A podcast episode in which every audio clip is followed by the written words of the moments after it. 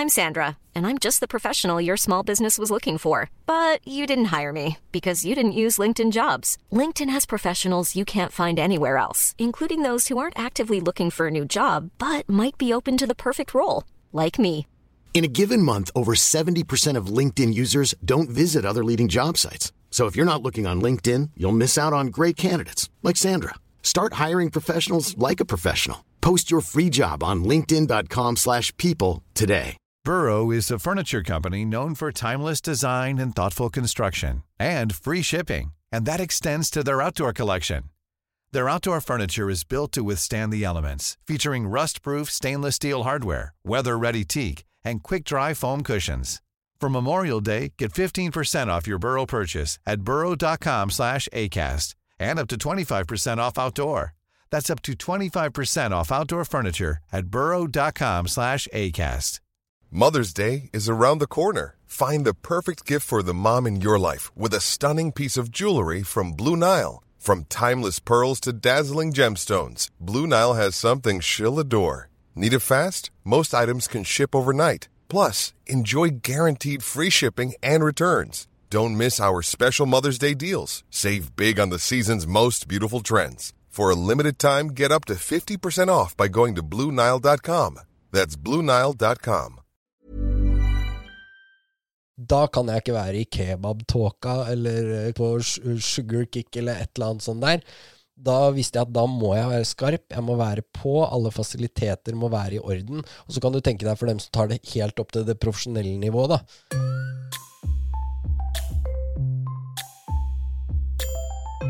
Velkommen eh, til Hjemflytterpodden, da. Thomas Bergli. Jo, takk skal du ha. I din egen kjeller, bare ett steinkast unna Skikkelsrud kraftstasjon i Askim. Ja, stemmer det. Hvem skulle trodd at uh, antageligvis Norges største MMA-podkast ble spilt inn i en kjeller i en uh, Thomas-bolig i Askim? Ja, vi har, vi har spilt inn litt forskjellige steder, da. Det skal jo sies. Det begynte over uh, stuebordet til en eh, kompis i Spydberg, Shane Connolly, som eh, er fra Spydberg. Og så flytta vi i kjelleren til broren min, og så flytta vi hit. Nå sitter vi her i, i ditt eget eh, hjemmesnekra og ganske profesjonelle podkaststudio, vil jeg si.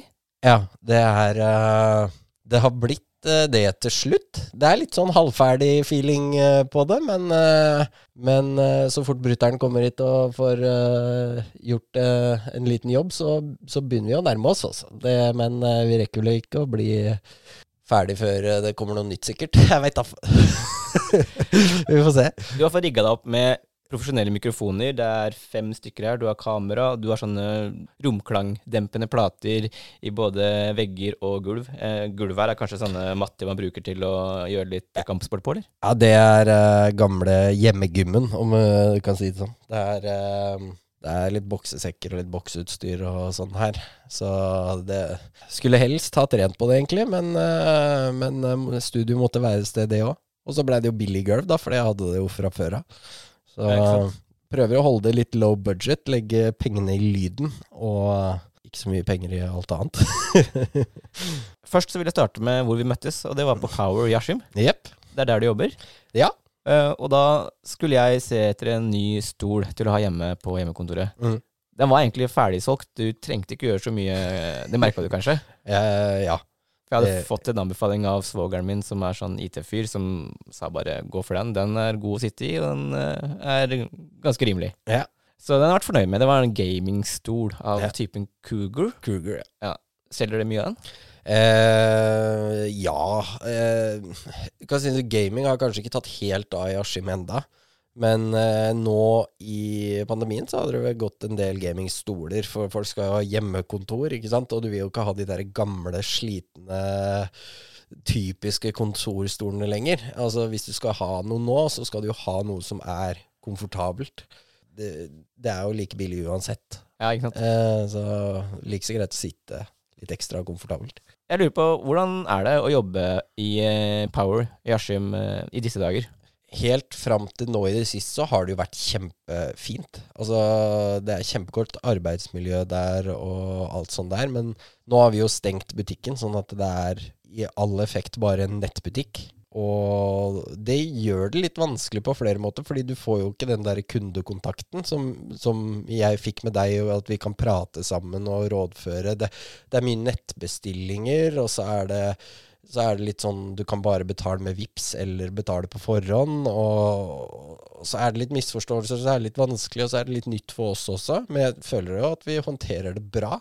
Men det er jo Jeg har drevet med salg i siden jeg var 15 omtrent, og jeg liker jo den følelsen av å snakke med de som skal handle, da. Mm. Fordi mm, veldig ofte så kan man jo gå på et bomkjøp fordi man kanskje ikke hadde den kunnskapen som vi som er i butikken sitter på, da. Eh, spesielt i forhold til dette med PC-er og mobiler og alt sånt der. Når vi prater med kunder der og gjør en behovsanalyse, så er jo på en måte ikke det for at vi skal gjøre et oppsalg eller tjene mer penger. Det er jo for at kunden skal bli fornøyd. Det, det er veldig annerledes da når vi ikke kan ha åpen butikk. Mm. Men så lenge vi kan ha åpen butikk, så er det kjempeflott. Eh, ikke noe å si på det. Du har vært selger siden du var 15. Ja, jeg jobba kveldsskift eh, hos et firma som het Infonor, og solgte bilannonser på tekst-TV. Du har også solgt biler, har du ikke? Ja, det har jeg også solgt. Ja. Jeg har solgt mye forskjellig. Jeg har solgt mennesker òg, jeg. I hvilken form? Eh, management. Eh, Booke jobber og sponsoravtaler og sånne ting. Så jeg har vært innom eh, ganske mye forskjellig, da, for å si det sånn. Planen Jeg, jeg vært litt sånn veldig, Var veldig sånn der Skal jeg flytte tilbake? Skal jeg ikke? Men det var vel det faktum at singellivet tok slutt, og da var det på en måte ikke noe Oslo kunne tilby meg lenger. Ja, for du bodde der i ni år Ja. og jobba som selger. Ja. Hva er det du tenkte om hjemstedet ditt? For du er jo fra Askim Ja. og vokste opp her. Ja. Og du er to år yngre enn meg. Ja. Og jeg kan ikke si at jeg husker å ha møtt deg, men jeg har jo garantert møtt deg. Eh, det skal du ikke se bort fra. Men nå, nå var det jo på en måte Jeg hadde jo min klikk stort sett. Altså, barne- og ungdomsskolen var relativt tøft, for da hadde jeg ikke så mye venner. Det var mye mobbing av den, den biten der. Jeg skal ikke kjede lytterne med, med all den historien der. Men når jeg begynte på videregående og begynte på idrettsfag der, så fikk jeg jo en veldig god klikk som jeg på en måte var mye sammen med, da. Det var jo på en måte da de beste åra av mitt liv, kanskje, var jo på Askim videregående. Da gikk du på idrettslinja, Mm. og jeg antar at du var veldig opptatt av fotball da? Ja, det, jeg hadde fotball som, eh, som hovedsport, da. Og, og det var jo helt nydelig. Altså, skulle jeg valgt på nytt igjen, så veit jeg ikke om jeg hadde valgt idrettsfag. Kanskje tatt fagskole eller elektriker, da, som jeg egentlig hadde tenkt å bli. Men så fikk jeg litt overraskende plass på idrettslinja. Og da, fordi det var jo egentlig ganske høye krav til å komme inn der. Så jeg veit ikke helt den dag i dag hvordan jeg kom inn. For jeg hadde ikke noen bra karakterer fra, fra ungdomsskolen. Men, uh, Men fortell litt om ambisjonene, da, når du kom inn på idrettslinja. Ja. Hva har du så for deg eh, veien videre derfra? Nei, jeg var jo ung og dum som alle andre, og jeg ville jo bli fotballproff, da. Det var jo det jeg skulle. Så hadde jeg et kne som var litt trøblete, som gjorde at jeg ga meg i Eller jeg var ute, da, i et års tid omtrent, i et av de mest utviklende årene. Når jeg liksom tenker tilbake på det, så husker jeg ikke helt hvilke år det var, men jeg er ganske sikker på at det var året før jeg begynte på videregående. Så hadde jeg vært ute en god stund. Og med et vondt kne, som er en litt sånn familiehistorikk. Det er bestefar hadde vondt kne, og onkelen min har vondt kne, og jeg har vondt kne. Ambisjonen når jeg begynte på videregående, og det var jo for så vidt det ganske lenge, var jo å bli fotballproff. Det var jo det jeg hadde lyst til. Nå skal jeg ikke kaste foreldrene mine under bussen, da, men eh, hvis jeg hadde hatt en far sånn som faren til Martin Ødegaard, så hadde det kanskje eh, foreldre som delte min drøm, da. Så hadde det nok vært litt enklere å holde fokus. Men når eh, du veit åssen det er, damer og festing og, og sånt der begynner å bli veldig gøy, og man er impulsiv og full av testosteron og Det blir Andre ting blir viktigere, da. Og så er det vel kanskje sånn at eh, det er ikke alle som innser eh, hvor profesjonalisert sporten har blitt. Altså Hvis du er i England, da, der har du jo sånn estate-lag, og så har du skolelag, og så eh, etter skolelagene så er det akademi. Så der er det på en måte muligheten for profesjonalisering da, er jo mye større. De som lykkes her, er jo gjerne de som forlater moderklubben, om du kan si det sånn. Sånn som eh, Jens Skogmo, Martin Ragnerud Hansen, Kristoffer Kringberg. flere av disse her som på en måte tok steget vekk, da, har jo gjort det bra. Jens er jo kanskje den som har gjort det best av alle. Du har Pål André Svartek òg, da. Han, Mm. eh, han gikk jo også ut eh, fra Askim. Um, Skogmo som spilte senest for Start, og som nå kommer tilbake til Askim, faktisk. Ja, altså han var Han har spilt mot Liverpool i treningskamp, riktignok, men han har spilt mot Liverpool. Og det Jeg var på Bislett da, og Og det er din favorittklubb. Et, ja, det, og det Et av de stolteste øyeblikkene i mitt liv var når en tidligere lagkamerat gikk ut på matta og skulle dekke opp Stuart Downing, eller noe sånt, mener jeg det var. Fernando Torres og Stuart Downing. Det var kult, altså. Det var dritkult. Det er jo spennende, det nye prosjektet som er der nå. Da. Jeg følger jo med eh, lite grann. Og veldig moro at Jens er tilbake igjen. Og tror det kan løfte litt nivået på ganske mye, for han har jo vært der ute, på en måte. Han har jo sett hva profesjonalitet og høyt nivå er for noe. Uh, Så du kommer kan- til å komme på matcher? Ja. Jeg, hadde en sånn drøm ja, om å starte eh, supporterklubb for en stund tilbake, fordi eh, jeg er jo veldig glad i fotball. Er, det er lenge siden jeg fulgte med på norsk fotball, da, om du kan si det sånn. Men akkurat det her med Askim, Heia Blåhvit og alt dette her Først så var jeg jo egentlig litt motstander av dette her med klubbsammenslåing og alt dette maset her, for det har jo alltid vært AFK, på en måte. Ja, for da snakker du om at Ja. eh, de to klubbene i Askim. Korsgård og. Askim har blitt Ja. samme klubb. Det Ja, og så er det jo en eller annen tulling som har oppretta Korsegård på nytt igjen, da, bare for å være kvalm, har jeg inntrykk av. Men, men jeg er veldig spent på det Askim fotballprosjektet nå. For nå virker det jo å være mye mer seriøst, og, og det er på en måte Det er ikke noen grunn til at vi ikke kan klatre litt oppover i divisjonene, egentlig, men du må ha lokalmiljøet bak deg, da. Du må ha folk som kommer på kamp, og ja, jeg, jeg var på en del kamper i Når var det? 20 hva blir det? 2017? Begynner å bli en stund siden. Det var da jeg var bilselger for Andresen, for Andresen var jo en av sponsorene til uh, Askim fotballklubb, og det gjorde at jeg ofte stilte ut en bil der, eller et eller annet, og, og ellers var og så på kamper. Men det var en sånn der, Det var en sånn der merkelig atmosfære der, ikke sant. Du hadde en rekke med gamle hovedtrenere for A-laget som står bak benken og slenger dritt det var, det var bare en sånn Jeg tror det var en litt sånn der ukultur. Så når jeg opplevde det, så tenkte jeg egentlig at kanskje det er greit med noe nytt. Kanskje det er greit å, å, å, samle klubben under ett. Altså, dra på fotballkamp er dritgøy, det. Det er, det er kjempegøy, det. Å ha hatt en struktur rundt det, og fulle tribuner. Og, og for det er sånn man kommer seg opp, da. Mm. Man støtter klubben. Altså, se på AFC Wimbledon, da, som uh, som uh, starta helt nederst i seriesystemet, og nå er de snart oppe igjen. Det ble mye fotball, da. Ja. Um, jeg tror det starta egentlig med at uh, du begynte på idrettslinja med spesialisering innen fotball. Mm. Og fikk et vondt kne, var glad i festing. Hoppa litt av den der eh, profesjonelle innstillinga som trengs for Ja. å ta alle disse bitte, bitte, bitte små skrittene for å til slutt ta et stort eh, Mm. megasteg. Mm.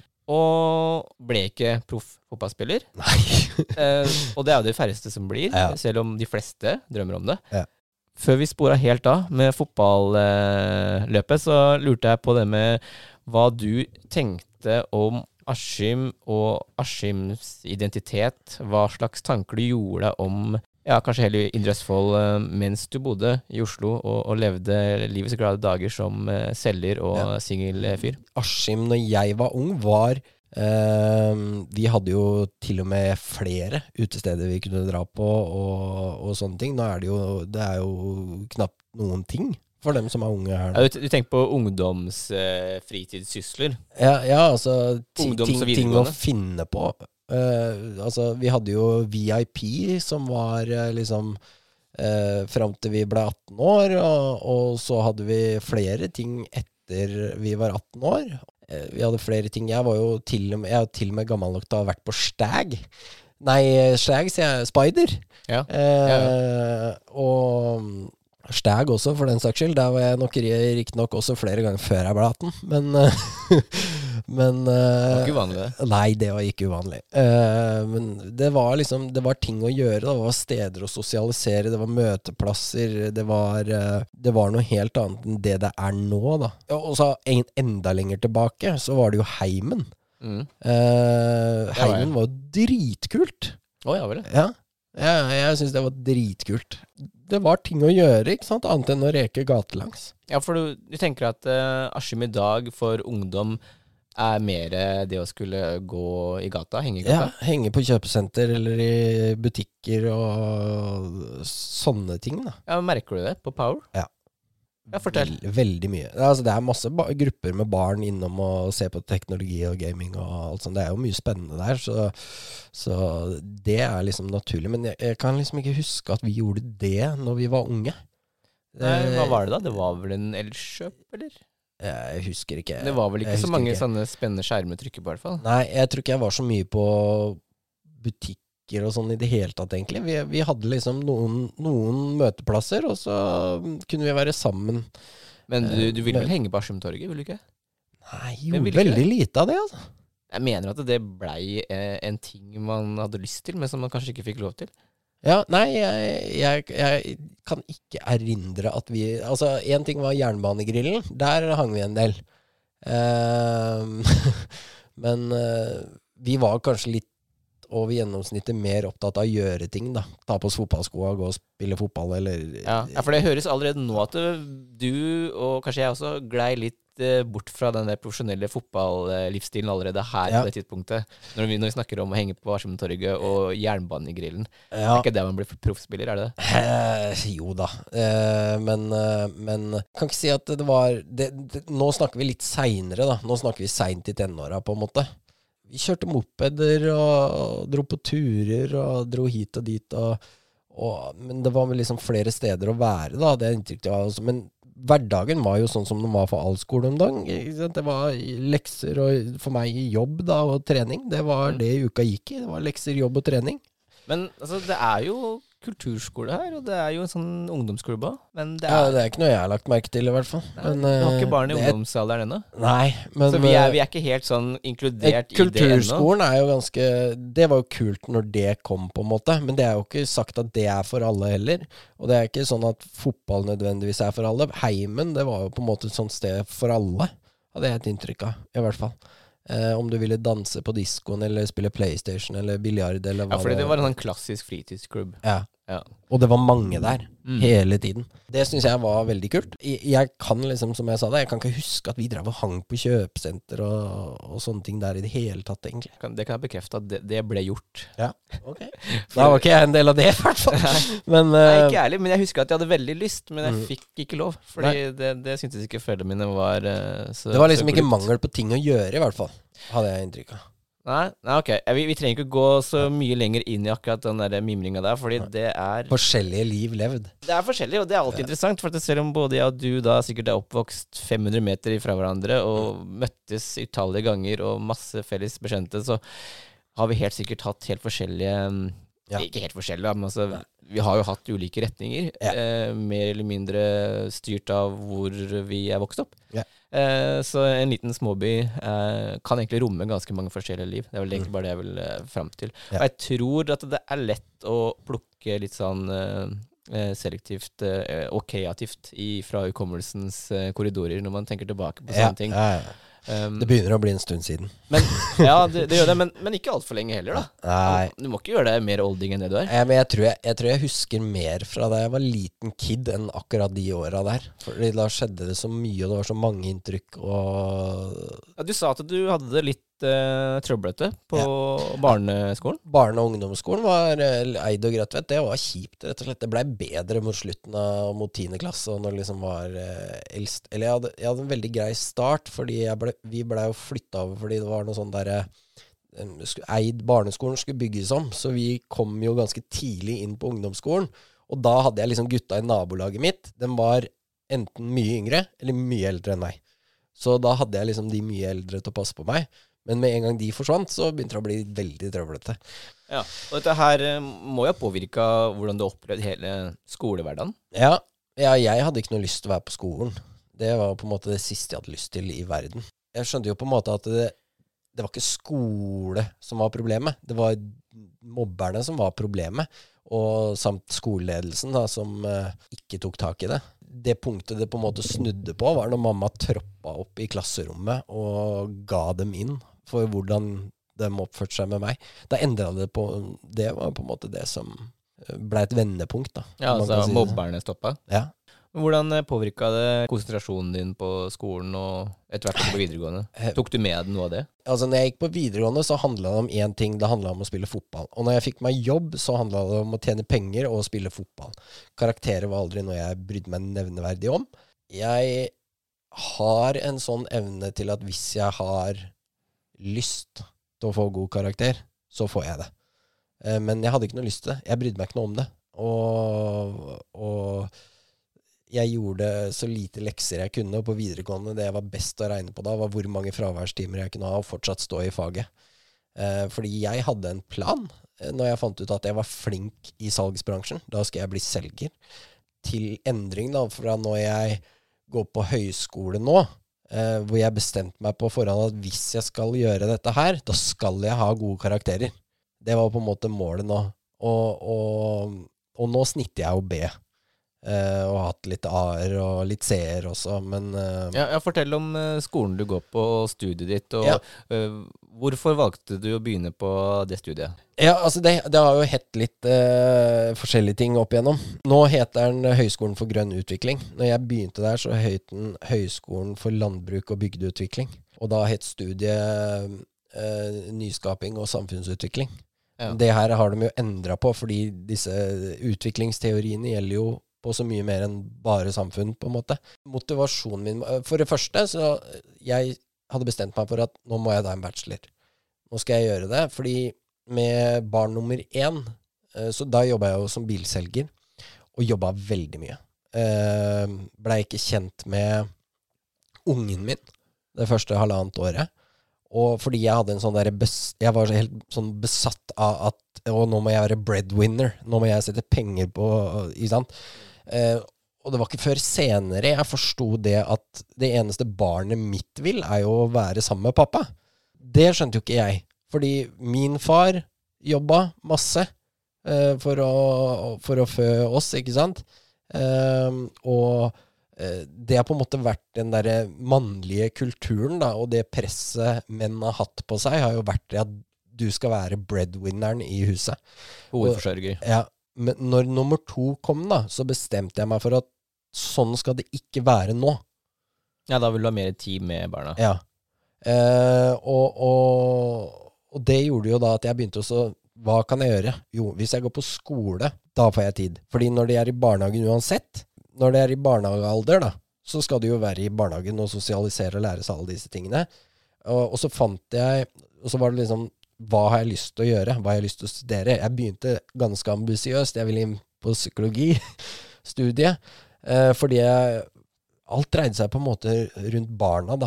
Jeg hadde lyst til å Jeg ser liksom psykisk helse blir dårligere og dårligere. Jeg har lyst til å kunne noe om dette her. Og så var jeg veldig interessert i psykologi. Og har lest masse om det og hørt på masse podkaster om det og alt dette her. Det var sånn et veldig engasjement, da. Og så var på en måte nummer to, det var redde verden. Ikke sant. Hva, hva kan jeg gjøre for å redde verden?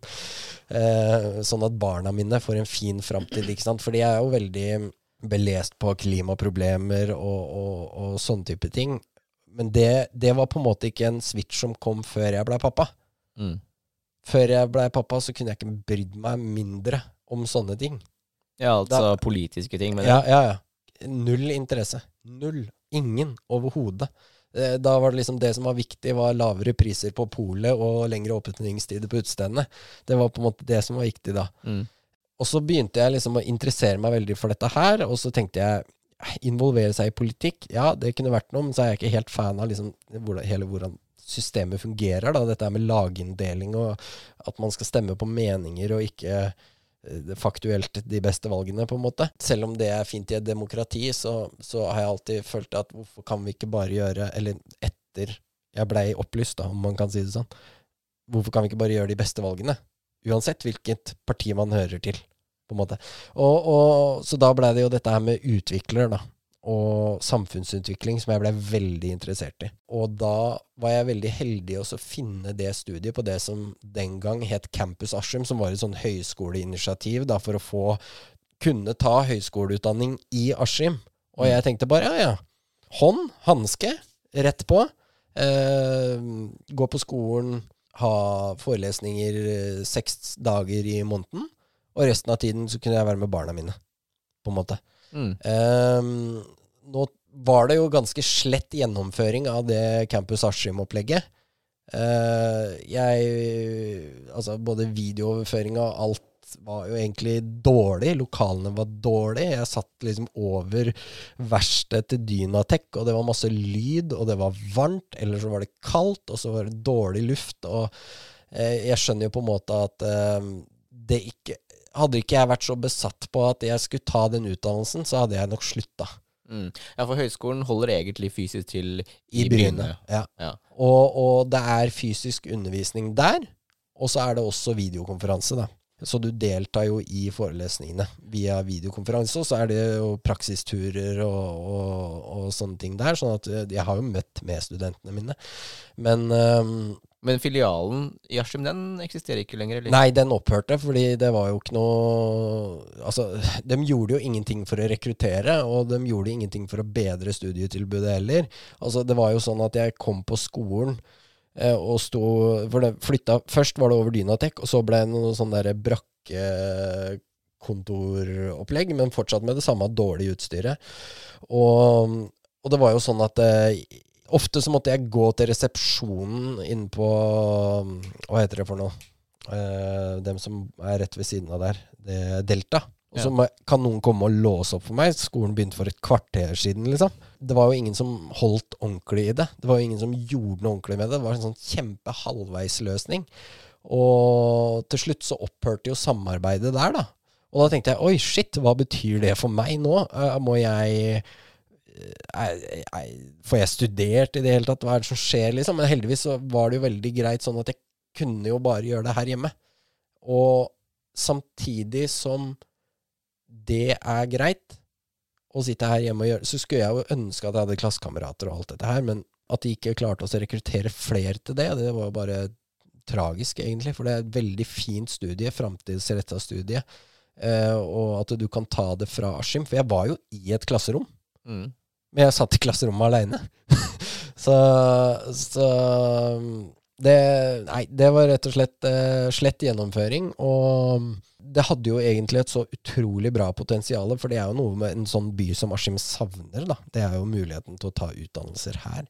Men det er på vei, tror jeg. Ja, det er godt mulig, det. Ja. Litt, Jeg har eh, sett det er noen sånn fagskolegreier og sånn på G, men, eh, men det å kunne ta en bachelor, da, det er jo på en måte noe veldig mange flytter til Oslo eller Trondheim eller Bergen eller et eller annet for å gjøre. Hva tenker du er veien videre da, når du har tatt den bacheloren? Vil du studere mer, eller eh, vil du finne en relevant eh, jobb? Det er litt sånn vanskelig spørsmål, fordi jeg har ganske mange tanker om det. Jeg liker å jobbe der hvor jeg jobber nå. Det er veldig fint. Eh, spørsmålet er jo da om de kan gi meg nok jobb til at, at det er bærekraftig for en tobarnsfamilie. Når jeg begynte på studiet, så var drømmen min å jobbe i Indre Østfold kommune og jobbe med samfunnsutvikling. Fordi jeg hadde lyst til å ta hjembyen min. Ikke sant? Eh, eh, måten samfunnsutviklere jobber på, er at de gjør sitt sted til det beste stedet det kan være. Så jeg hadde jo på en måte lyst til å gjøre først Askim og så Indre Østfold, til det beste Indre Østfoldet det kunne være. Det er jo drømmen. Det er jo å være samfunnsutvikleren til Indre Østfold, om du kan si det sånn.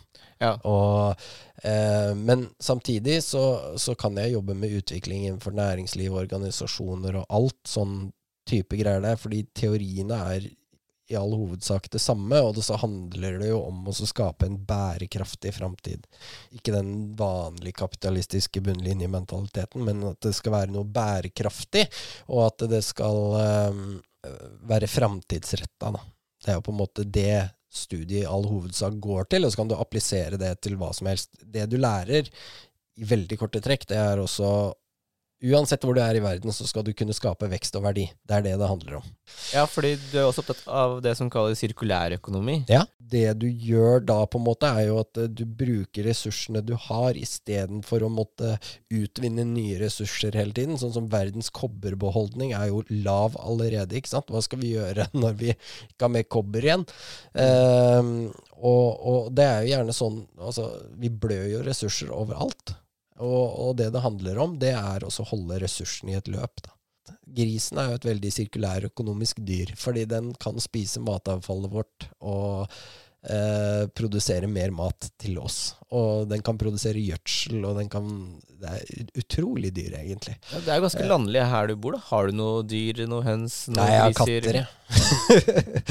eh, men eh, det, er, det er jo høns rett her borte, og, og naboen vår har jo det. Eh, men altså, drømmen min har jo vært liksom å ha et sånt eh, småbruk der hvor du er selvforsynt. Da. Det er jo Det er det, ja. og bacheloroppgaven jeg skriver nå, handler jo om hvordan man kan mobilisere til å få selvforsynte nabolag, og i hvilken grad man kan bli selvforsynt. Um, det finnes jo sånne type uh, planned communities, som det heter, hvor de etablerer egne samfunn som er bærekraftige fra starten av. Det er, ikke sant? Det er sirkulærøkonomi. Her har du planlagt hvor samfunnet skal være, hvordan det skal være, og hvordan vi skal holde det bærekraftig og selvforsynt. Ja. Og, og det ser ut til å være kjempegode resultater på det foreløpig, men det det handler om for meg, det er altså å applisere sirkulærøkonomisk og, og bærekraftig tankegang til et eksisterende nabolag, da, om man kan si det sånn. Tenker du å revolusjonere nabolaget ditt her eh, i Kykkelsrud? Jeg skal i hvert fall se om det er mulig å gjøre det. Ja, har du uh, oppretta noen kontakter, da? Ja da. Altså, det er jo det er jo det, det handler om, er jo å intervjue og kartlegge ressurser, se hva vi har, ikke sant. Hva kan vi få til? I hvilken grad kan vi Om det er ikke sant? Norge er jo eh, har en selvforsyningsgrad på 8% og det er jo Jeg pleier å si det sånn at hvis samfunnet vi hadde levd i, da Se for deg at vi lever i en verden hvor banklån ikke eksisterer, og du må ikke jobbe åtte til fire. Altså, Mm. i, for 30 år siden, da, så trodde de jo at vi kom til å jobbe tilnærma ingenting. Fordi roboter kom til å gjøre alt sammen for oss, og så jobber vi nå mer enn noen gang. De hadde et sånt inntrykk av at i, i framtiden så kom samfunnet til å være slik at alle klarer seg uten å måtte jobbe seg i hjel. Ja. Fordi i prinsipp så burde det jo gjøre det. Men uh, altså det store problemet er jo all den der gjelden vi har akkumulert. ikke sant? Hvis den gjelden hadde vært borte, så hadde det vært mye enklere å starte på et nytt samfunn på den måten der. Men når banker er privateide og man har uh, Altså, har du noen gang tenkt på hvor sjukt det er at du faktisk må gå og låne penger for å ha et sted å bo? Er ikke det ikke sant? Jeg vet at dette her er, det er helt vanlig, ikke sant? Mm. Det er en etablert sannhet det at vi trenger også låne penger for å kjøpe hus. Det er litt sånn at vi er i den, altså den kapitalismen som har vært, har satt oss i en litt sånn felle som vi ikke nødvendigvis klarer å komme oss ut av. Med mindre et eller annet bare imploderer, ikke sant. Og hele systemet imploderer, og alle blir slått konkurs, på en måte. Og vi må bare eh, sette strek, starte på nytt. Um, Ja, for når du snakker om det med bærekraft og sirkulærøkonomi, så høres det nå ut som at hovedmotivasjonen i bunn handler om å kunne leve et annet liv. mm. Eh, når du snakker om å være selvforsynt, kanskje et småbruk eller en form for eh, bytteøkonomi i mindre nabolagsenheter, så er det vel tanken om et annet liv, et godt liv, eh, den evige debatten Ja. der det koker ned til, er det ikke? All utvikling starter jo på en måte med én fyr som vil noe.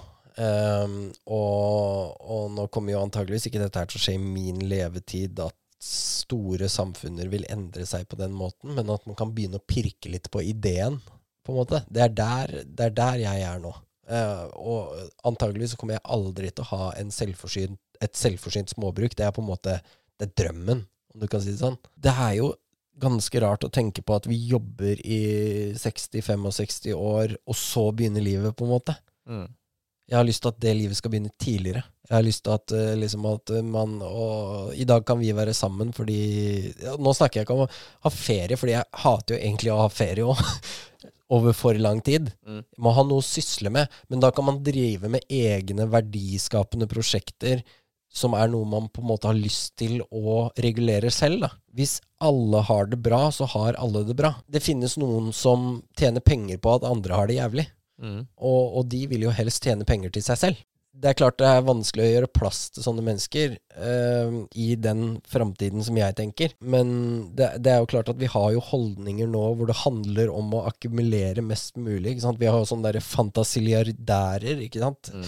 Hvor de, de, de kunne redda et land med det som er hvilende på bankkontoen deres, liksom. Mm. Uh, vi, det er flere mennesker som dør av overvekt enn av sult, selv om det er fryktelig mange som dør av sult. Det er bare sånn Hvis du filosoferer litt over det, og tenker litt på det, så er det jo egentlig helt sjuke ting som altså, skjer helt unødvendig. Det skal jo ikke være noen grunn til at noen sulter i dag. Akkurat det poenget med at uh, flere dør av overvekt, det er jo fint illustrert i boka og filmen Fight Club, Ja. Hvor de stjeler eh, sånne fett uh, Stjeler fra sånne fettreservoarer Mm. for å koke såpe som de selger. Mm. Eh, og, og det bringer meg jo egentlig litt over til slåssing, da. Ja. Fight Club er jo en, eh, en fortelling om eh, menn som føler seg fremmedgjorte, ensomme, numne, deprimerte, Mm. i egentlig en sånn forbrukerkapitalisme som du nå har beskrevet. Mm. Og de misliker jobben sin, selvfølgelig. Mm. Og de er også redd for maskuliniteten og, og mannerollen. Eh, de føler vel at den er eh, trua. Mm. Og de føler seg rett og slett lost. Ja. Er det noe i det behovet for å føle seg som eh, mann på den gamle måten, hvor eh, man, man i en tid som nå jobber gjerne på data, eller man jobber i en sånn tjenesteyrke, man, føler seg, man føler seg rett og slett feminisert, eller eh, man blir gjort tafatt, og man sitter og jobber digitalt. da. Man er ikke i en sånn fysisk verden lenger, og man jobber heller ikke manuelt, som man kanskje ville gjort før. Er det der behovet kommer for å skulle slåss, eller se på slåssing? Jeg tror det er veldig mange forskjellige mm, veier inn til kampsport. For noen så er det jo sånn som Jeg begynte jo ikke med kampsport før jeg nærma meg 30. Sånn av fysisk trene det. Fordi jeg syntes det så skummelt ut. Eh, jeg husker fortsatt når jeg var på første thai-treninga og så noen sparre, så tenkte jeg Og det, jeg sa til dem at jeg skal bare slå på puter og sekk, jeg skal ikke drive med sparring. Eh, fordi det syns jeg så forferdelig skummelt ut. Kan du ikke Eh, bare først men- forklare hva er MMA for de som ikke vet hva det Eh, er? MMA det er mixed martial arts. Det er en idrettsgren som har vart nå ja, Eller blitt popularisert da fra 93 omtrent, til begynnelsen av 90-tallet. Altså det har jo egentlig sine røtter helt tilbake til de første olympiske lekene. Hvor Altså det var på en måte den første idretten Mm. kan du si, i de olympiske lekene. Eh, hvor det var nevekamp, og der var alt lov. Eh, der var det ballegrep, og eh, du slåss mer eller mindre naken. Og, og det er på en måte der røttene til MMA stammer fra. Men i moderne tid da så var det jo Gracie-familien fra Brasil eh, som hadde en sånn tanke om hva er egentlig den beste kampsporten? Mm. Hvordan kan vi finne ut av det? Og så blei på en måte MMA født, da. Fordi da var det jo veldig spesialister. ikke sant? Du hadde brytere, jiu-jitsu-utøvere, boksere, karate, kickboksing, taekwondo. ikke sant? Og så var det hvilken stil er best mot Ja, og med Gracie-familien så ble det da brasiliansk jiu-jitsu som ble Ja. produsert, eller? Ja, ja. Eh, brasiliansk jiu-jitsu er jo en avavling til japansk jiu-jitsu. For eh, en av disse Helio Gracie hadde jo vært i, i, eh, i Japan og har lært eh, japansk jiu-jitsu. Mm. Eh, noe som han videreutvikla da også fra judo. Eh, judo og, og, og japansk jiu-jitsu er jo på en måte det som blei brasiliansk jiu-jitsu med den kreativiteten og liksom kunsten da, som det blei til slutt. Og så er det andre som har videreutvikla brasiliansk jiu-jitsu seinere. Men MMA er jo blandingen av alle disse kampsporttypene. Og hvis du ser på, på 90-tallet, så ha, var det gjerne spesialist i én, maks to grener. Nå er det jo noe helt annet. Nå har man jo fullblods MMA-fightere som på en måte har eh, verdensklassenivå i alle de forskjellige grunngrenene, da. Som Ja. er striking og grappling. Mm. Eh, og striking er jo på en måte Det er jo stående, det som skjer stående. Boksing, kickboksing alt dette her. Og grappling er jo alltid fra bryting mot buret til jiu-jitsu på bakken og eh, nedtagninger og alt dette her, da. Ja, Grappling, det er da ulike former for gripe... Det er for uh, bryting, da. Uh, bryting, jiu-jitsu, um, cage-bryting Altså alt, da. Som har med å ikke slå og sparke å gjøre. Ja. Eh, og um, Så dagens profesjonelle MMA-utøvere de er da på toppnivå innen alle disse ulike grenene. Ja, og så har du noen som har forskjellige farger, ikke sant. Noen kommer jo fra taekwondo, så kanskje dem har mer snurrespark og Mm. litt sånn uh, flashy. Og så har du de som kommer fra mer tradisjonell muay thai, som er veldig effektiv, hardbarka strikere. Og så kickboksere, selvfølgelig.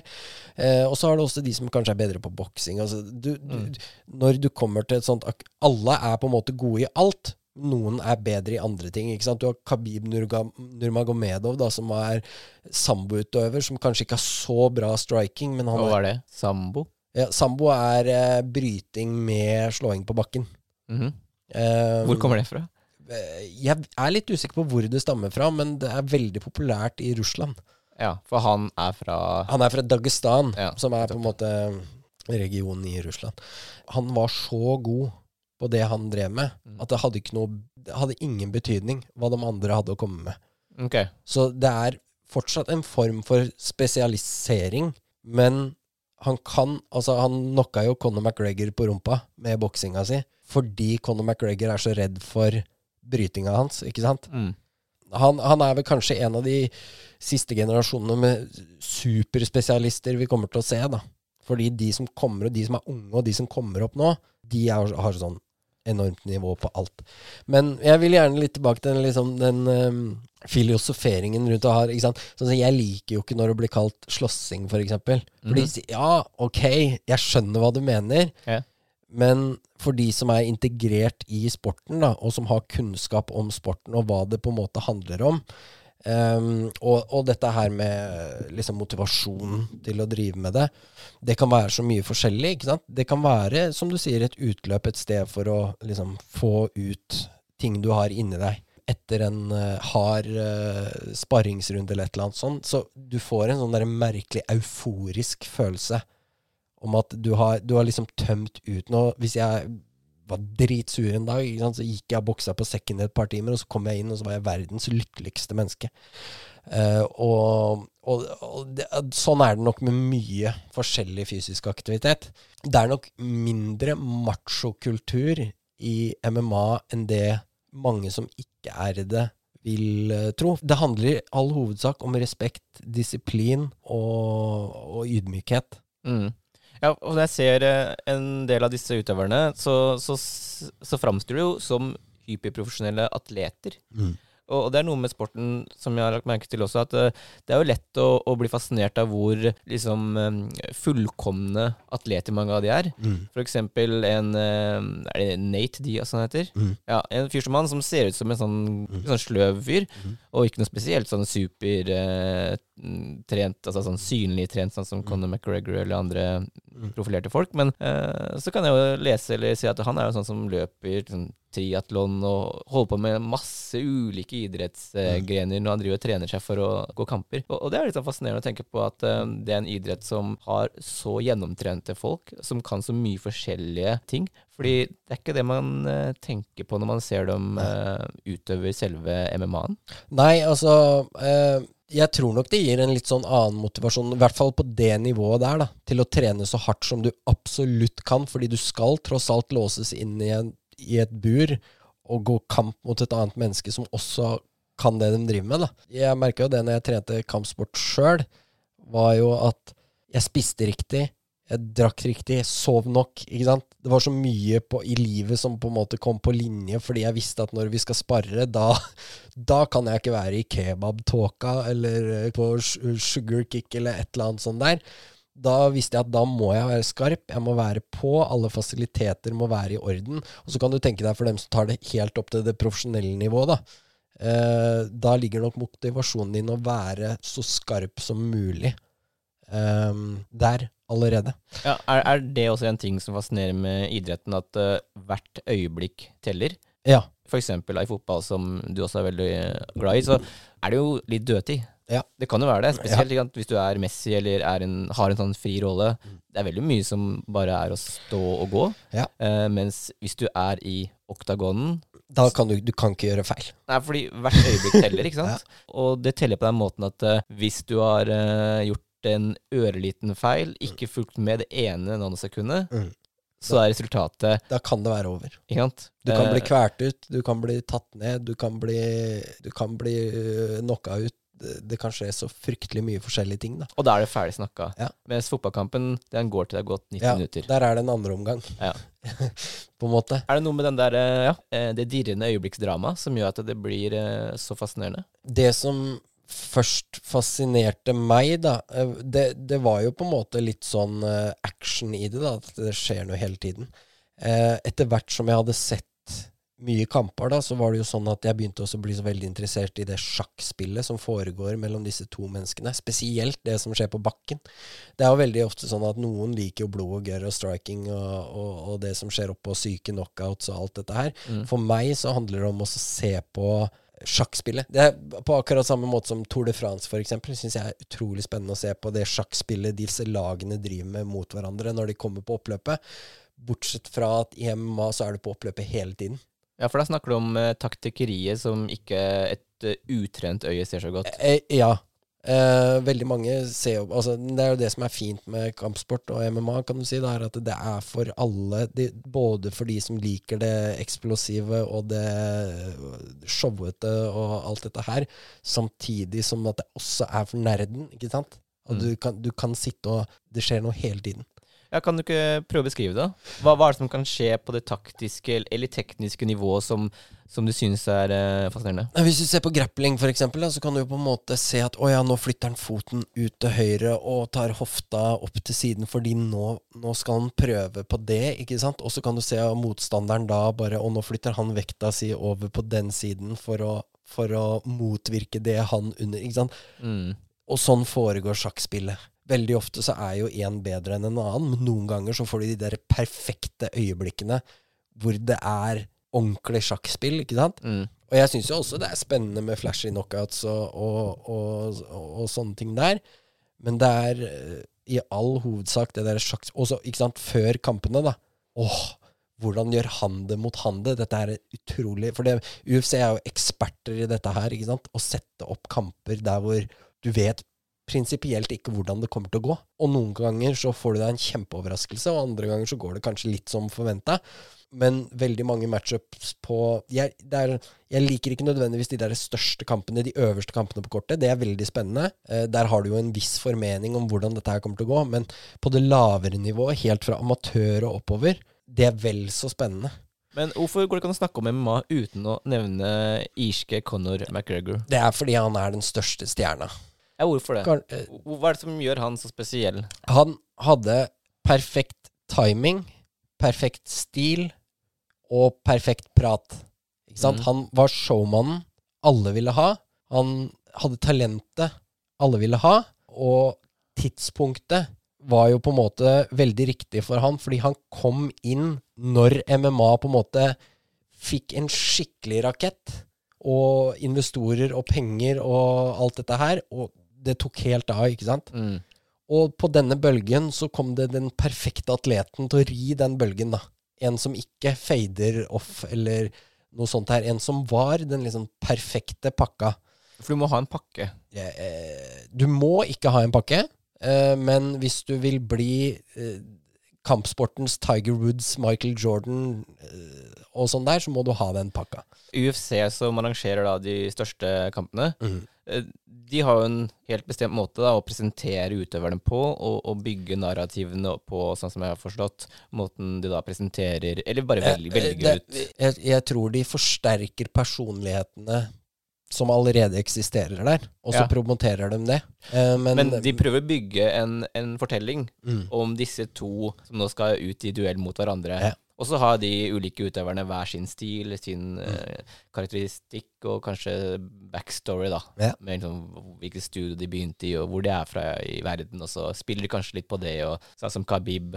Jeg vet ikke, Han har vel noe sånn hatt på seg, sånn, har han ikke? Ja, ja, ja. Eh, jeg husker ikke helt hva det heter, men ja. Ja, og Conor McGregor er- har det irske flagg og, og så videre. ja, ja. ja altså det, er, det, er mye, det er mye historiefortelling, da. Altså, UFC har jo på en måte bygd modellen sin på veldig mye av det derre WWE gjorde. Altså wrestling. Pro, Ja, pro wrestling. Det teateret. Hulk Hogan. Ja, det, det teateret som er kring det. Og, og, og det var veldig mye mer WWE før. Da var det liksom folk gikk inn til buret med kors på ryggen og masker og drakter, og det var, det, det var på en måte mer underholdning enn det det var sport. Mm. Nå er det mye mer sport enn det er underholdning. Ja. Men så har du fortsatt karakterer, da. Det har du jo. Går det an å være James Milner i MMA? Ja. Det er mange James Milner i MMA. Ja, Den gråe, litt sånn kjedelige, mutte, Ja, ja. byråkratiske Ja, ja. utøveren?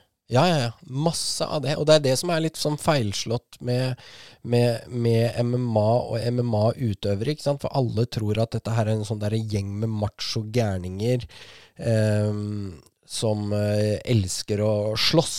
Altså, du har, du har folk som i, i MMA som de liker ikke å slåss engang, de er bare gode på det.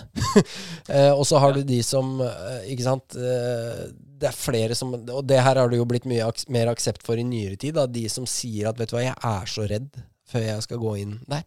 Jeg er så redd. Men det er litt sånn hopp i fallskjerm-redd, ikke sant? Og det er det inntrykket jeg har fått også, som har vært veldig nyanserende når jeg har hørt på podkasten din, hvor jeg får inntrykk av at nettopp utøverne sjøl er ikke den der typiske macho-fyren som man kan få bilde av. Og også det du og, og dine gjester snakker om, kan være om veldig følelsesladde ting, og ting som jeg ikke assosierer med noe typisk macho i det hele tatt. Så det kan være såre vennskap, familieting, eh, barna deres eh, osv.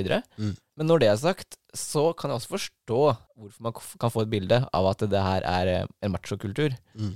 Det er jo måten det blir presentert på, Ja. eh, altså det rent visuelle. Ja. Uh, og nå er det ikke sånn at alle som ser et lite oppslag i avisa eller nettavis, eller ser tilfeldigvis på TV også, Mm. de får jo ikke høre hele historien bak, eller bli kjent med personene. Man ser jo en i baris Mm. med store muskler, Mm. og kanskje litt eh, blod i, i panna, og, og blomkålører. Ja, og det er litt av utfordringen som MMA har, da, fordi den største promotøren, UFC, spiller jo veldig mye på sånne ting. Eh, Selv om de også er flinke, eller har blitt flinkere til å fortelle andre historier også. Det er en voldsom sport å se på for de som ikke er så vant med det, men filosofer litt på det, da. Se på folk som hopper i Vikersund eller Planica, da, som setter ut ned to isspor med planker på beina og skal fly flere hundre meter, flere timeter opp i lufta. Jeg syns jo det er helt sinnssykt å se på. Det er sprø greier. Ja, eller når du øh, farer nedover en isbakke i 116 km i timen på to planker med stålkanter og øh, risikerer liv og helse. Det er også veldig voldsomt. Forskjellen er jo at man er vant med å se Espen Bredesen hoppe i bakker, og du er vant med å se Bjør eller, uh, Kjetil André Aamodt og Lasse Kjus fare nedover disse isbakkene. Det også, eller rally, da, hvor du kjører på halvannen meter breie veier i 180 km i timen og flyr med bilen din. Profesjonell MMA Ja. er ulovlig i Norge. Ja, Det har vi ikke sagt ennå. Hva er det de typiske argumentene for Ja. å beholde det sånn? Ja, altså, de, de prøver seg jo på en del argumenter, og dette vet jeg, for det her har jeg forska på. Eh, og, og hvis du ser på litt sånn intervjuer og sånn, så er det liksom det etiske. Det, det stemmer ikke etisk med norsk idrett. Eh, man kan slå folk på bakken, er et sånt argument som man bruker, men det, det, det viser jo egentlig bare en sånn derre manglende kjennskap til selve sporten. Fordi det er ikke sånn at noen legger seg ned på ryggen og sier 'her, slå meg'. En som ligger på ryggen, kan være vel så farlig som han som sitter oppå, for hver og en av motstanderne. ikke sant? Det her er liksom Det er teknikker, og det er så mye Det er så mye forskjellig der. Det er jo ingen som legger seg frivillig og blir slått. Det er som jeg sier til de som uttaler dette her. Ok, da. Eh, Da kan jeg legge meg på ryggen her, og så skal kan vi se om du klarer å få slått meg i ansiktet én gang. Ikke sant? Fordi det, brukes sånne der barnslige argumenter. Ikke sant? Du kan slå på bakken og brutalitet og alt dette her, men det er egentlig noe veldig mer menneskelig i i det. Ikke sant? Eh, Brutalitet, hva er det? Eh, Vi dropper masse bomber over Syria, Irak og Afghanistan og, og alt sånt der, og så skal det komme noen fra en eller annen statlig organisasjon og snakke om brutalitet. Norge var med å bombe Libanon til filler og ingenting, og bare dro derfra. Eh, det er brutalitet. Eh, dette her er sport. Eh, Men er det ikke en egen sånn knockout-lov? Jo. Ja, hva går det Eh, på? Knockout-loven er jo sånn in, Fordi proffboksing var jo ulovlig. I 2014 så, så gjorde de jo proffboksing lovlig, og så har du det som heter en knockout-nemnd, hvor du må søke for å arrangere stevner. Og knockout-loven sier jo det at uh, uh, bare noen få ting da som gjorde at boksing var mulig, er at kamper kan vare i 36 minutter total kamptid, men en maks rundetid på tre minutter. Og her kommer jo hindringen med profesjonelle MMA. da, Det er jo at uh, du kan ikke ha Profesjonelle MMA er fem men total kamptid på maks 25 minutter. sånn at på totaltiden så er man innafor. Men på rundetiden så er man ikke innafor. Så hvis du hadde søkt om et profesjonelt MMA-stevne i Norge, så hadde du fått avslag på grunnlag av rundetiden. Så har du også det med utstyrsopplegg, øh, da, og så har du For i MMA så har du hansker med fingre, og der har du liksom du har den samme polstringen som en vanlig boksehanske på knokene, men du har fingrene tilgjengelig og håndleddet, sånn at de hanskene veier jo mye mindre enn en boksehanske ville gjort. Men de hanskene veier jo for lite, da til å bli godkjent som kampaktivitetshansker i Norge. Så det er mye sånn der eh, tull, egentlig. Fordi eh, når det kommer til skader og traumatiske hodeskader i MMA, så er det veldig mange sporter som allerede er lov i Norge, som, som har mye mer traumatiske hodeskader enn det som er i MMA, da, som er det farlige. Altså kutt og brekte bein og, og, og sånne ting. Det er på en måte ikke noe farlig i den forstand. Men det er dette med traumatiske, permanente hodeskader. Det er jo gjerne det man ser på. Og dødsfall. MMA har nesten ikke dødsfall. De aller fleste dødsfall som skjer i MMA, er i uregulerte stevner. Dvs. Si ulovlige stevner. Mm. Eh, eller i forbindelse med vektkutt. Dvs. Si at man tapper seg jo for vann.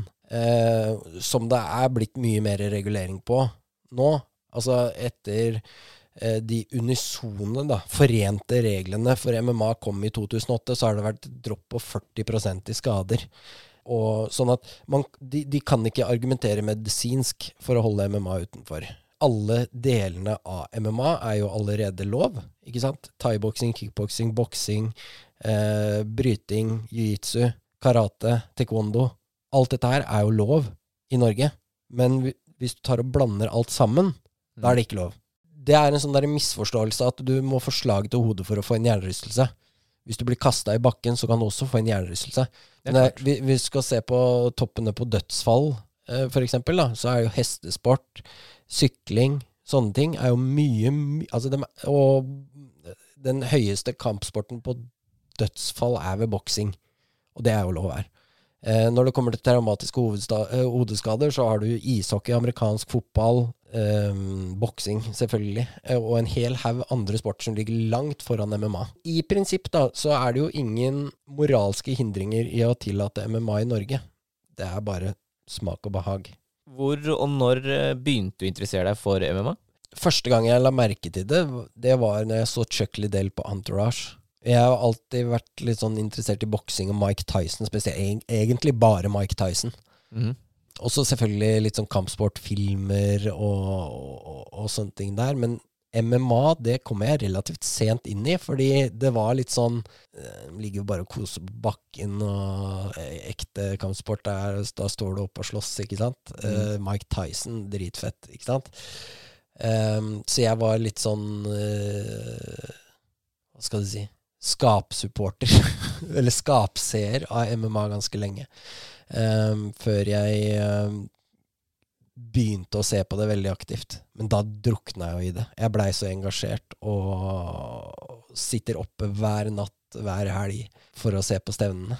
Er det en av de grenene du er mest opptatt av? F.eks. brasiliansk jiu-jitsu, eller uh, noe av de andre? Uh, ja, Uh, jeg, uh, jeg, begynte jo med Muay Thai som, som trening sjøl, og gikk ned 21 kilo på det. Uh, men så begynte jeg å finne brasiliansk jitsu, og det var det er en sånn merkelig, fortryllende opplevelse å trene det. Og en sånn mestring som bare fordi det er så slitsomt, og det er så tungt, og det er så vanskelig. Og, og når du begynner å bli god i det da. Ikke bare er det en, for oss som liker å se på det, vakker sport å se på. Interessant og spennende og alt dette her.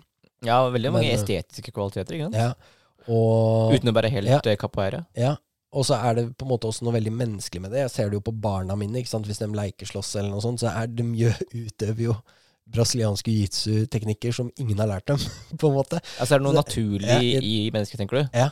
ja. Uh, så jeg tror det er veldig Og så er det et eller annet med den nærheten og liksom Det å, å bryte med noen på den måten. Altså, du, er, du er jo mer intim med, med folka på gymmen enn du er med kjæresten din, omtrent. Det er, Og det er jo eh, ikke typisk macho, egentlig, kanskje. Nei. Og det er veldig rart. Ja. Den første treningen, å liksom legge seg i misjonærstilling med en annen mann. Eh, hvordan var det? veldig, det? gikk veldig fort over. De intimsperrene, kan du si.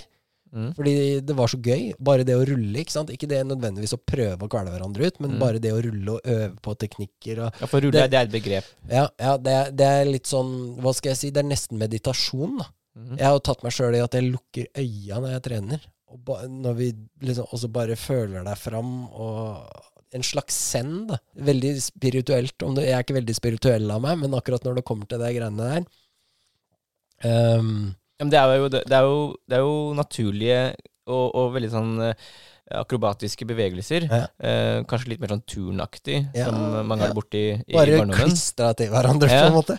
Men, men det er jo bevegelser som, som du aldri får utført Nei. ellers. Nei, nei. Hvor når skulle du gjort det? Nei, det er akkurat det.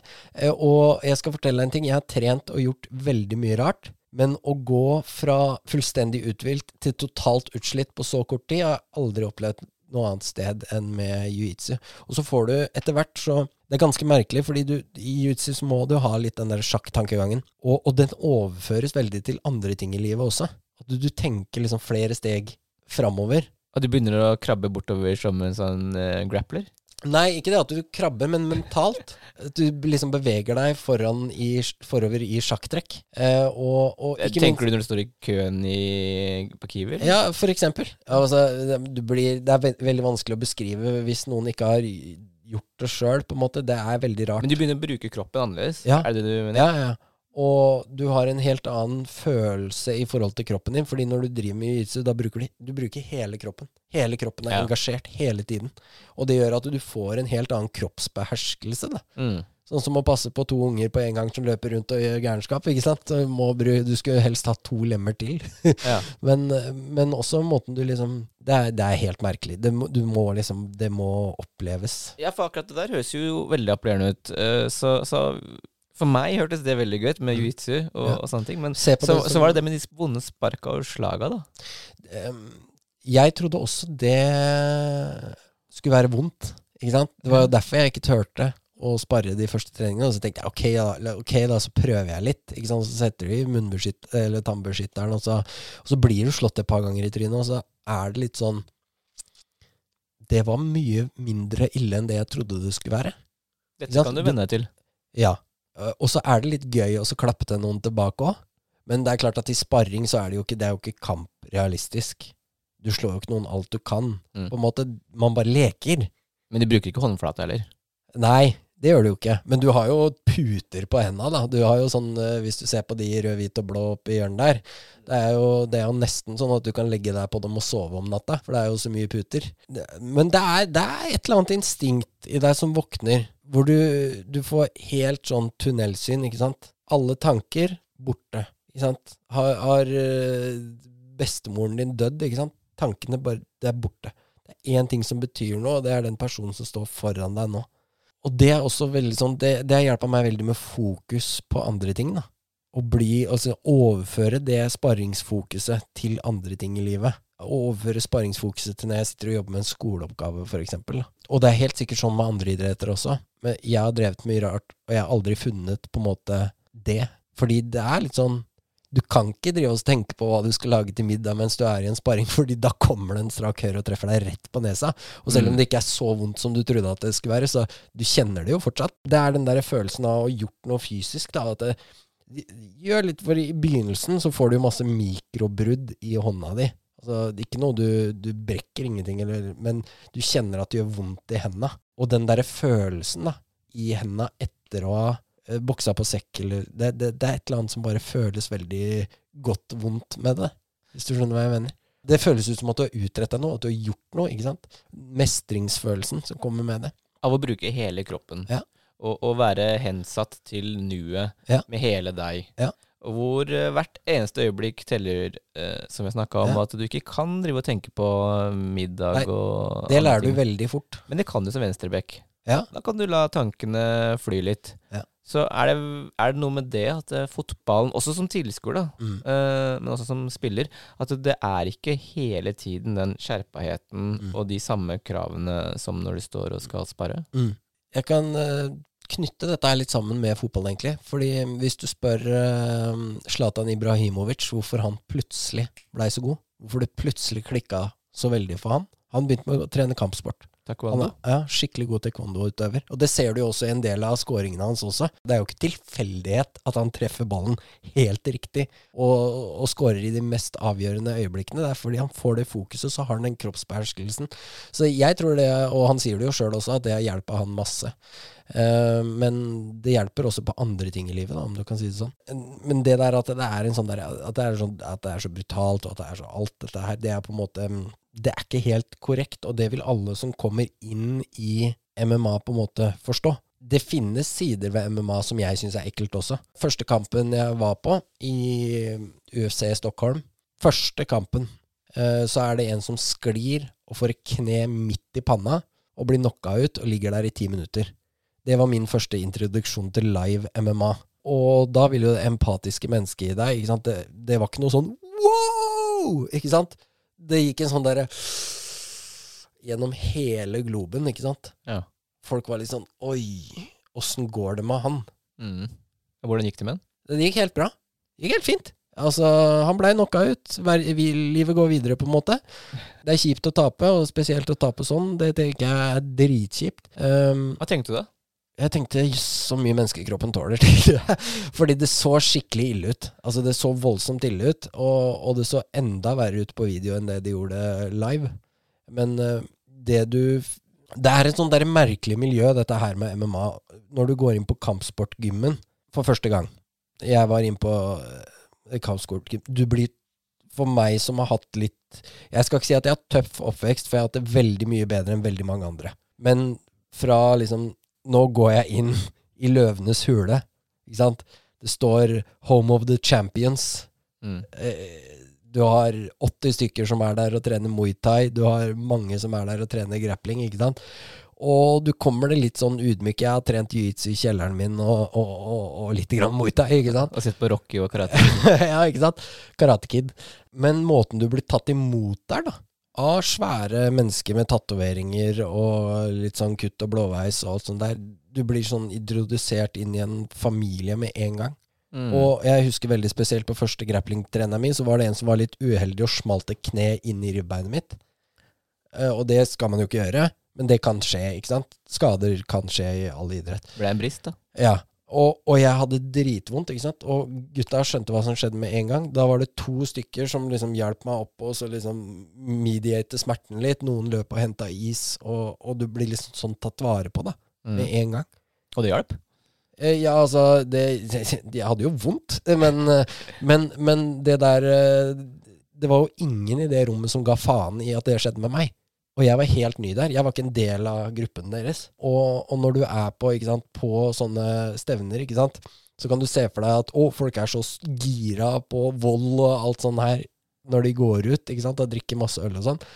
Men det er, helt, det, er, det er en sånn helt merkelig gruppe mennesker som bare Det er ikke der i det hele tatt. Og så For ikke snakke om dem som fighter med hverandre, da. Du ser nær sagt aldri at noen er noe annet enn bestevenner etter at de har gått kamp sammen. Og fightere vil fortelle deg det at du får et helt spesielt forhold til en mann du har stått tå til tå med i fem runder, og har, dere har gitt hverandre alt dere har. Da har dere et helt spesielt bånd resten av livet. Og disse fine sidene ved MMA, da, hvis du googler på YouTube, så kommer du til å finne det. Men i mediene og i alt sånt der, så vil du aldri finne det der. Hvor mennesker eh, Altså, et eksempel når eh, Cowboy Cerrone, da, min favorittfighter, gikk mot Jansi Medeiros, og han knocker ut uh, Jansi Medeiros i andre runde. Og bestemoren til Cowboy, da, ikke sant? han er machomann, ikke sant? han er cowboy. Mm. Uh, Gjør sånn ut. har med seg bestemora si på hvert eneste stevne.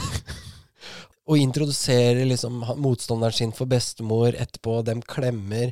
Et annet eksempel var når eh, Kamaru Usman gikk mot Tyron Woodley i en weltervekt-tittelkamp.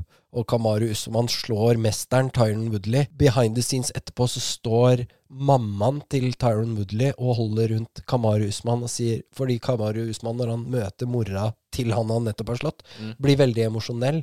Og mora klapper han på ryggen og "Ge- 'Det går bra, det er ikke hans tid lenger nå. Det er din tid nå. Nå må du passe deg, for nå kommer alle til å komme etter deg.' Ikke sant? Og alt den der den, Det her, da. Rose Namajunas som har slitt med dop og overgrep og alt sånn mulighet som fant sin redning i kampsport da, og MMA. Eller um, Det finnes så utrolig mange sånne fine historier da, som verden aldri får se. Fordi det er ikke det som er fokuset til medier på MMA. Det er blod og gørr. Og 90% av gangene det skrives om MMA, i hvert fall i norske medier, så er det et eller annet negativt. Det er en eller annen syk knockout. Det er ingen som skriver om cowboy og, og motstanderen og bestemora, eller Men, men hva er det med denne cowboy som, som fascinerer deg? Hvorfor er det blitt din favoritt? Fordi han er så ekte. Mhm. Han er brutalt ærlig om hvor redd han er, og kaster opp før kamp. Og taperen så er det ikke noe bullshit, det er ikke noe unnskyldninger, det er ikke noe, det er ikke noe sånn det er. Vinneren så er han, yd, han er ydmyk i tap og seier, på en måte. Han er et godt menneske, og så er han så eventyrlysten. Han er veldig sånn kul, litt macho, samtidig veldig åpen og emosjonell. Jeg er veldig fascinert av mange av disse karakterene. Uh, hvorfor jeg kobla så godt med han, var egentlig bare for at han, du merker at han er genuin. Ikke sant? Han er ekte. Noen spiller litt skuespill. De sier jo gjerne det at disse profilene er 80 seg sjøl, 20% en karakter. Men han føler det, han er 100 seg sjøl, på en måte. Å ja vel? Du bare føler det. Og jeg følger han jo overalt i sosiale medier og følger med på det han gjør. 110% eller? Nei, ikke Paradise Hotel. Det er jeg ikke noe fan av sånn kvasimatte. Men, øh, men han er 100 seg Ja, ja, sjøl. ja. Og, han- og han lever opp det, ikke sant. For han, selv om han er så redd, så er han sånn anytime, anywhere, anywho. Ikke sant? Han gikk en kamp mot uh, nummer tre i verden, og så går han mot nummer fire tre, uker senere, eller tre måneder seinere, selv om det skal du jo i prinsipp ikke gjøre. Du skal jo ta lengre opphold mellom kamper som i hvert fall har vært veldig fysiske. da. Men han lever for det, ikke sant. Han lever etter sin kode og er ekte. Ja, jeg, jeg har ikke sett han, men jeg, jeg bare ser for meg at han kommer inn i arenaen med cowboyhatt, kanskje? Ja, ja, ja. Han gjør det, ja? Jo, ja. ja Må ikke tenke på det. Nei. Han uh, har ranch og hele bøtteballetten. Ja, ok. Hvordan er MMA-miljøet i eh, det gamle fylket vårt, Østfold? Uh, MMA-miljøet i Altså, det er ganske lite kontra byen og storbyene. Uh, men fra å være inteteksisterende i Indre Østfold, da, så er det godt opplegg i både Sarpsborg og Fredrikstad. Eh, og så har de vel noe ute i Halden nå. Altså Du kan si det sånn, det Thomas Robertsen da fra Sarpsborg har fått til fra Sarpsborg, det er ganske utrolig. Han har gått tittelkamp i Cage Warriors og var egentlig uheldig som ikke gikk ut derfra som mester. Fordi det er fascinerende med MMA at noen ganger så taper den beste fighteren. Mhm. På grunn av dette her med at du var uoppmerksom et halvt sekund, ikke sant? Du har også de som har fått juling i tre runder, og så treffer de med ett slag eller en submission eller et eller annet helt på slutten av en kamp, ikke sant? Du ligger an til å tape soleklart på poeng, men så vinner du allikevel. Um, og det var et sånt tilfelle. Og, og, men hvis MMA hadde vært lovlig, sånn at de kunne gått kamper her, sånn at kampaktiviteten kunne vært høyere, satsingene hadde vært mer ordentlig, og sporten hadde vært mer anerkjent, så tør jeg nesten ikke å tenke på hva slags nivå de hadde vært på. Fordi norske fightere, de er kjent for å være de tøffeste av de tøffe. De er um, en helt egen rase. Hvis du møter en norsk fighter som har tre proffkamper, da er han vanvittig mye bedre enn en engelsk en som kanskje har ti. Ja vel. Hvor kommer den tøffheten fra, da? Fordi hvis du reiser eh, Altså, noe er jo klimatisk, ikke sant? Vi, vi har sånn Vi har ikke LA, California Sun hele året, kan du si.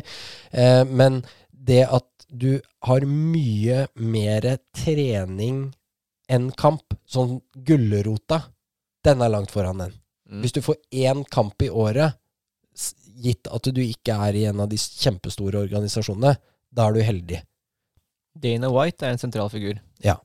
Han er en kontroversiell fyr. Men en fyr som jeg liker veldig godt, fordi han har et sånt der pågangsmot og et driv som veldig mange mennesker mangler. Inkludert meg selv. Jeg er ikke i nærheten av å være sånn som han. Fordi altså, MMA var jo den første sporten tilbake etter pandemien traff. Og de har hatt ekstremt få tilfeller av smitte. Men han blei fortalt av alle at dette her er umulig, dette får du ikke til.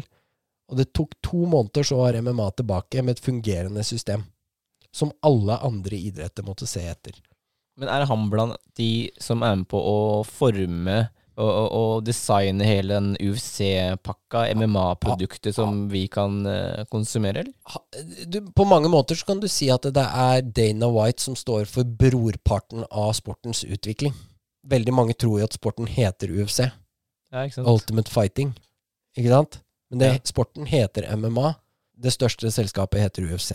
Det her står Dana White og hans investorer bak. Men det er i all hovedsak Dana White som har tatt MMA i nakkeskinnet og dratt det til å bli en massiv global sport. Fra undergrunnen til å bli massivt. Jeg begynner å tenke på om jeg må snart ta turen hjemover. Jeg har en, en seks kilometers eh, sykkeltur i eh, sånn snøstormaktig vær, tror jeg. Ja. Men det er en par andre ting vi burde vært innom, Ja. og, og det er jo blant annet Idol-audition og sånn. Nei! Eh, ja. Eh, det så jeg ikke helt for meg at det skulle komme. Men um, En, en rask uh, oppsummering av uh, den uh, opplevelsen. Nei, det er det jævligste jeg har vært med på noensinne. Altså, jeg har sunget foran hundrevis av mennesker uten problem. Det er bare gøy. Men å stå og synge foran tre mennesker, det er det mest ubehagelige jeg har vært med på noensinne. Hva sang du?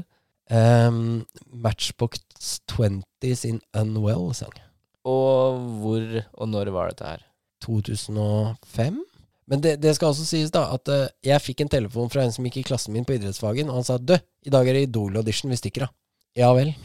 Ok, jeg blir med, da. Jeg møtte opp i Liverpool-drakt fra 98-sesongen og grå joggebukse på audition med bustete hår. Så det første jeg fikk kritikk for, var jo måten jeg så ut på. Å ja, det var ikke godt nok? Nei, det var ikke godt nok. Var det feil drakt, kanskje? Jeg syns jeg kunne kledd på meg litt når det var audition, og lurte på meg at jeg ikke hadde fått med meg at det var audition. Men eh, det skal jeg si at eh, eh, jeg satt jo i et sånt venterom og hørte på noen kråker som sang før meg, og de kom ut og fikk være med videre. Fordi dette er underholdning, ikke sant. Da skal det gå på deres bekostning at de var faktisk så dårlige at dette må på TV. Ja, ja. Og jeg havna nok i den kategorien at jeg var akkurat ikke god nok til å komme på TV. Er det sånn mellomsjikt? Tok det ikke seriøst, vet du. Å nei. Nei, ikke i det hele tatt. Nei, du gjorde ikke det. Nei, nei. Nei, Det var mest et sånt uh, stunt og avbrekk i hverdagen. Ja, bare Han ringte meg på morgenen. Det er Idol-audition i Oslo. Og jeg bare ok. Altså, hadde du ikke, hadde ikke noe klar drøm om å bli Kurt Nilsen? Har alltid hatt lyst til å drive med musikk. Jeg har drevet med musikk hele livet. Det var oldefaren min som lærte meg det. Og pappa. Vi satt ofte og hørte på plater nede i kjelleren. Alltid elska musikk. Jeg har jo spilt i Liverpool, og jeg har uh, det har vært mange turer til Liverpool. Ja. mange. Jeg vet ikke om vi eh, nevnte det på poden, eller om det var før vi starta. Men eh, fortell, hvor mange ganger har du vært i Liverpool, og, og hva er Jeg, jeg, har ikke, anledningen jeg har ikke nøyaktig antall, eh, men det er rundt 50 pluss et eller annet sted. Kamper.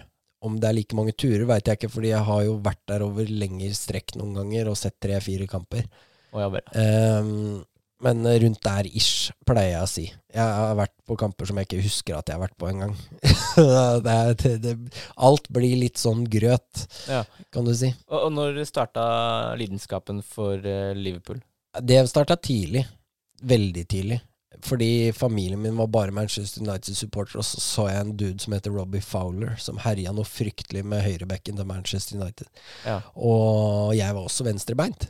Å se en så kul venstrebeint spiller, det var på en måte wow. ja, hva var det som var så kult med den? Det var bare den eh, arrogansen, tror jeg. Den arrogansen til å bare vippe kula over en annen spiller og banke den uh, nede i nærmeste hjørne og se ut som at han aldri har gjort noe annet. Ja. Eh, Så blei på en måte alltid liksom assosiert som den derre suverene, ekte homegrown uh, nieren, i motsetning til uh, arvtakeren eh, Michael Owen. Ja, det var på en måte Han fikk en heldig etterfølger, sånn jeg, s- snakk, jeg tar ikke hans navn i min munn uh, så veldig mye lenger. Men det var på en måte den neste. Fordi han hadde mer likt den spillestilen som jeg hadde sjøl. Var rask, flink til å avslutte. Eller egentlig det der å være den derre bakroms... Være den raske. Ja, for det var ikke Fowler. Nei. Eh, Fowler var venstrebeint, Michael Owen var rask. Og så var det jo selvfølgelig godgutten sjøl, Steven Gerrard, da, som virkelig kapra hjertet. Ja, så det er favorittspilleren? Ja. Det er han og Cowboy? Eh, ja. Eh, Steven Gerrard eh, Begge er ekte, eller? Ja. Det er det jeg har inntrykk av. I hvert fall. Um, Og du ser for deg at den kommer snart tilbake? Eh, han kommer tilbake i 2024, tenker jeg. Men eh, det var et eller annet som skjedde med engasjementet også etter at han dro. Ja, ditt engasjement rundt klubben og Ja. turer bortover og alt det her? Jeg var på tur i tittelsesongen. Manchester United hjemme, for frua mi er også veldig supporters, og hun fikk det i 30-årsgave Mm. av hele vennegjengen og familien sin, og meg. Så jeg var faktisk over i den tittelvinnende sesongen. Da hadde jeg ikke vært der siden 2014. Det vekka gnisten litt igjen, fordi jeg merka at det er byen jeg har savna. Altså Liverpool by. Ja, Folk, beskriv den. folket som Jeg har aldri vært der før. Ah, hvordan skal jeg beskrive det? Um, se for deg et sted uh, der hvor du på en måte kan føle deg velkommen uansett hvor du er. Hvis du går inn på en pub, så Så lenge du har på deg riktig trøye, eller? Nei, nei. Det har ikke noe å si? Nei, nei, det er en sånn misforstått greie, dette her. Ja, det er misforstått, tydeligvis. Fordi det er egentlig ganske delt 50-50. Altså, du har jo familier der hvor to er blå og to er røde. Ja, det er det. Eh, det er jo kjent som The Friendly Derby, hvor man sitter ved siden av hverandre på stadion. Ok. Du skal ikke begynne å krangle om det. Det skal du nok ikke gjøre. Fordi hvis du har lyst til å krangle, så finner du folk som har lyst til å krangle med deg. Mm. Men det er et eller annet med skausere. De er jo veldig multikulturelle og har alltid vært det. Det er jo en havneby. Eh, de har et godt forhold til skandinavere. Altså, skauser kommer jo fra den norske resten lapskaus, eh, som var en Liverpool var jo en fattig by. Fordi de bygde jo en kanal inn til Manchester som tok fra dem all skipsjobbing og alt sånt der. Og det er jo der hatet til Manchester United kommer fra. Det kommer jo fra den kanalen. I, og lapskaus var en billig rett som gjorde at familier kunne overleve på relativt billige råvarer. Da. Eh, så den blei jo kjent for å spise lapskaus, og så ble de jo da kalt skausere. Eller kalt seg selv skausere. Eh, så der er det faktisk en direkte norsk kobling til eh, hva de kaller seg. da. Akkurat som rogalendinger eller stavanger, eh. Ja, så det er kanskje derfor Liverpools supportklubb i Norge har flere medlemmer enn Arbeiderpartiet. Ja. Men det er et eller annet med den byen Altså, den har jo en stor musikkhistorisk forbindelse ikke sant? til The Beatles, for eksempel. Mm. Steder du drar på der, har gjerne både den tradisjonelle klubbscenen, men også livemusikk. Ja. Altså gatemusikantene i Liverpool, det er som regel LIPA-studenter, ikke sant. Mhm. Høyskolen til Paul McCartney, som er omtrent klin umulig å komme inn på hvis du ikke er et supertalent innenfor musikk. Eh, Det er en veldig levende by hvor ikke folk tar seg sjøl så jævla høytidelig, og inkluderende. Og mm, ja, det er kriminalitet og alt sånt der, fordi det finnes jo fortsatt Altså, Margaret Thatcher prøvde jo også å avvikle Liverpool som by, eh, og stengte ned med mange av hovednæringene der, og de hadde på et tidspunkt 80% arbeidsledighet der. Så byen driver jo fortsatt og kommer seg fra det. Så det er, en, det er noe kriminalitet. Jeg har opplevd det også, nesten blitt rana på byen der. Men samtidig så hadde du da Jeg sto der aleine i en minibank og tok ut penger, og så kom det noen kids som var skalla, skinheads som de kalles, og skulle rane meg. Og da var det bare noen lokale som tok på seg jobben med å kjeppjage de langt pokker i vold. Fordi de så at jeg trengte hjelp. Det er den type byen Liverpool er. Du, hvordan er det å kombinere denne fanatismen for, uh, i positiv forstand, Mm. Liverpool, MMA, uh, studiene dine Mm. uh, og det å være um, småbarnsfar? Hvordan er det du organiserer hverdagen? Hvordan eh, får du det her til å fungere? Det er ikke så veldig vanskelig, fordi frua mi Jeg jobber ikke fulltid, det gjør jeg ikke. Men Ja, eh, du har slutta med det? ja, ja, nå jobber jeg egentlig bare ved siden av skolen.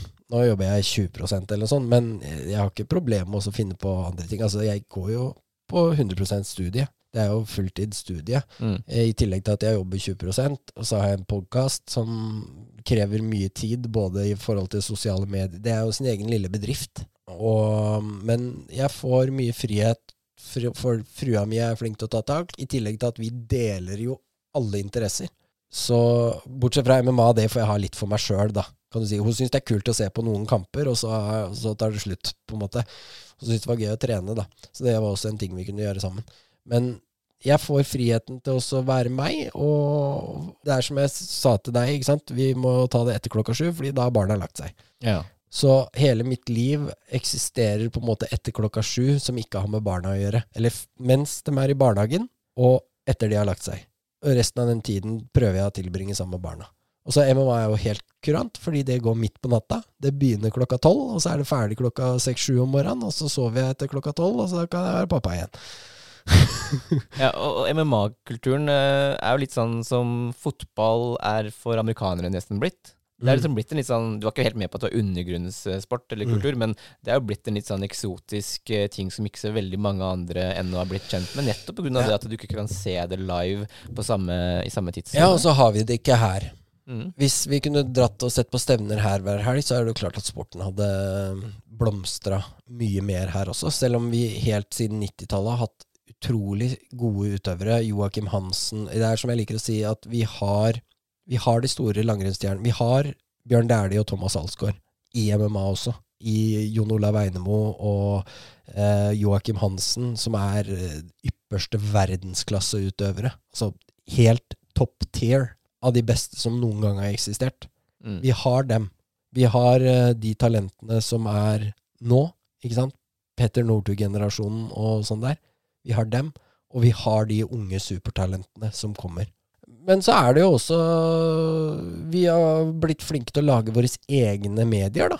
Våre egne nettaviser, våre egne nettforum, våre egne podkaster og sånne ting. Og hvor din podkast Bergljot Co. er blant de aller største. Ja. Fordi dere har et eget uh, segment. da. Uh, det er enkeltepisoder som handler Ja. bare om MMA. Ja. Og så har du noen andre episoder som handler om Ja, andre ting. Ja, altså må, Måten du begynte på, da bare spole gjennom dette her først. Det var meg og Shane starta, og vi bare prata om alt mulig som interesserte oss i tre timers episoder. Mm. Og, og så var det noen som spurte Kan dere ikke skille ut MMA og bare prate om det i egne episoder.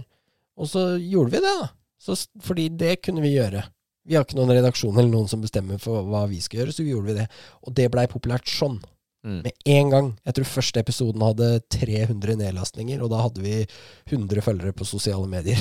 Og så har det bare vokst og vokst og vokst og vokst og vokst. Og vokst og vokst. Og så har vi merka litt sånn i pandemitider at tallene går ned, fordi vi treffer mange av pendlerne, f.eks. For eksempel. fordi da begynte vi å stange litt i taket, men det går alltid opp igjen. Og enda litt høyere enn der vi var. Vi har jo hatt rekorddager og rekordmåneder de siste årene allikevel. Men det er sånn stadig vekst. Thomas eh, Bergli, du, eh, du bor jo nå her eh, i Kykkelsrud i Askim og har bodd ni år i Oslo. Mm. Du har bodd flere steder i Askim også. Du har snakka om at du er veldig glad i Liverpool eh, som by. Du har vært der eh, over 50 ganger. Mm. Jeg lurer på, Hva er det du tenker er et godt eh, sted å bo? Jeg syns Askim er et veldig fint sted å bo. Indre Østfold, egentlig, som helhet. Jeg kunne fint bodd i Båstad eller Skjønhaug eller uh, Spydberg eller noe sånt der, men jeg syns Askim er akkurat passe by, akkurat passe eh, landlig. Askim er et lunt og godt og trygt sted å bo, og det er viktig. Thomas Bergli, tusen takk for praten. Vær så god, holdt jeg på å si. Takk for at jeg fikk eh, være med.